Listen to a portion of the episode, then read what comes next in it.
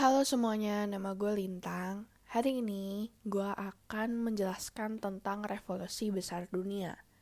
Sebelumnya ada yang udah tahu belum nih revolusi besar dunia tuh ada apa aja?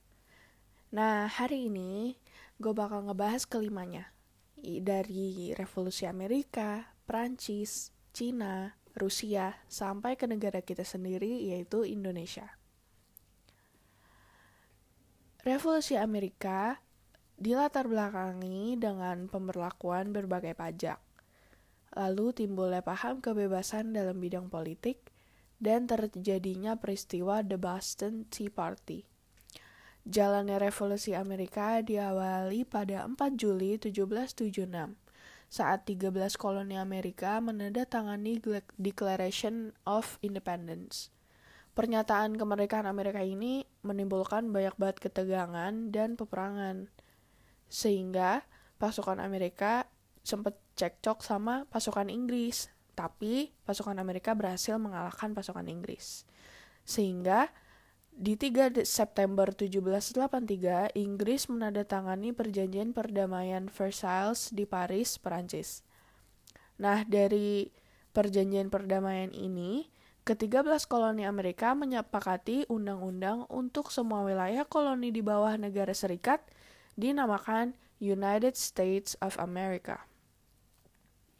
Pengaruh revolusi Amerika yaitu berkembangnya sistem demokrasi, menginspirasi negara jajahan untuk berjuang mendapatkan kebebasan dan kemerdekaan, dan pengakuan penegakan hak asasi manusia. Nah, revolusi Amerika ini juga ditandai dengan adanya patung Liberty. Kenapa patung ini dibangun? Patung ini memperingati 100 tahun deklarasi kemerdekaan. Patung ini memiliki makna bahwa rakyat Amerika memiliki kebebasan dan demokrasi. Selanjutnya kita akan membahas tentang revolusi Prancis.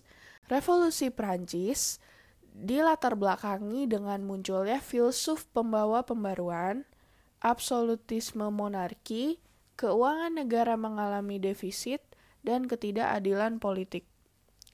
Jalannya revolusi Prancis diawali pada 17 Juni 1789, sebagian anggota Etats General atau dalam bahasa Inggris States General membentuk Dewan Nasional. Dewan Nasional menuntut peran politik yang seimbang dan pengakuan hak-hak rakyat dan pembentukan undang-undang. Namun, Raja Louis ke-16 berusaha membubarkan Dewan Nasional. Tetapi rakyat menolak pembubaran dan menyerang penjara Bastille yang dianggap simbol absolutisme raja. Pengaruh dari revolusi Prancis yaitu berkembangnya sistem demokrasi, berkembangnya liberalisme, kapitalisme, dan nasionalisme, berkembangnya sistem rule by law, penghapusan sistem feodal, kapitalisme semakin berkembang. Selanjutnya kita ke pembahasan revolusi Cina. Nah, revolusi Cina ini dilatar belakangi dengan kekalahan Cina dalam Perang Candu 1 dan 2. Pemberontakan dalam negeri, modernisasi Cina juga menjadi latar belakangnya. Selanjutnya, invasi Jepang dan perkembangan paham-paham baru. Jalannya revolusi Cina diawali pada 11 Oktober 1911, yaitu Sun Yat-sen menghendaki pembentukan pemerintahan Cina baru. Sun Yat-sen berusaha menyatukan Cina bagian utara dan Cina bagian selatan. Akhirnya, perjuangan menyatukan seluruh Cina ini tercapai di bawah pemerintahan Chiang Kai-shek. Namun, Mao Zedong, seorang pemimpin komunis nih, berupaya menentang Chiang Kai-shek. Jadi dia mau menggagalkan rencana Chiang Kai-shek ini. Nah, akhirnya perlawanan dari Mao Zedong membuahkan hasil dan di 1949 Chiang Kai-shek menyingkir ke Taiwan. Mao Zedong berhasil mendirikan negara Republik Rakyat Cina yang ideologinya komunis.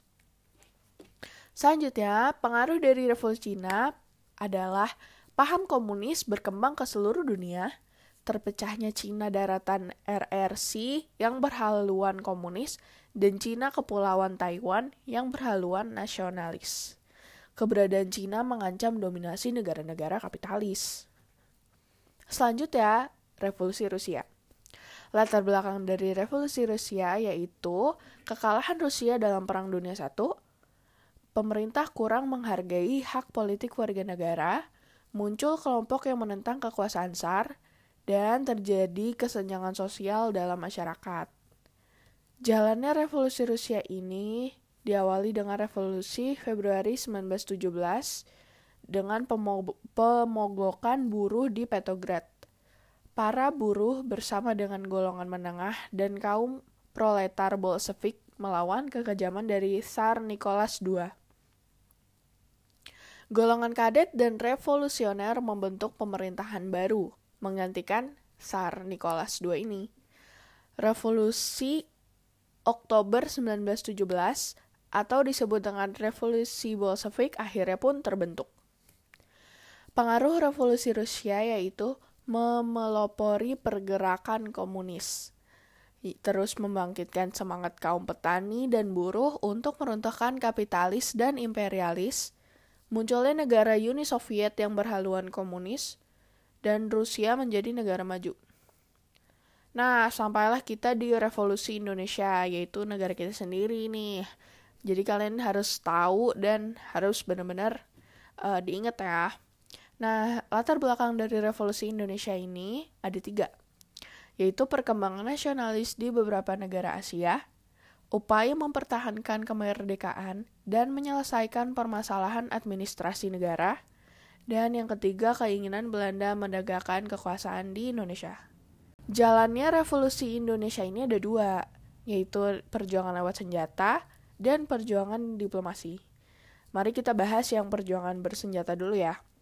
Perjuangan bersenjata ditandai dengan pertempuran fisik, yaitu pertempuran Surabaya, Palagan Ambarawa, Bandung Lautan Api, Medan Area, pertempuran Margarana di Bali, dan serangan umum 1 Maret 1949 di Yogyakarta.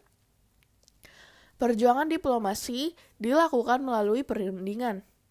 Perundingan Linggajati, Renville, Rumreyon, dan konferensi meja bundar. Hingga pada akhirnya Belanda mengakui kemerdekaan Republik Indonesia di 27 Desember 1949. Pengaruh revolusi dari Indonesia yaitu bentuk negara kesatuan, pemerintahannya menjadi republik, sistemnya presidensial, dan sistemnya demokrasi. Nah, jadi sekian dari gua. Semoga kalian paham ya sama penjelasan gua.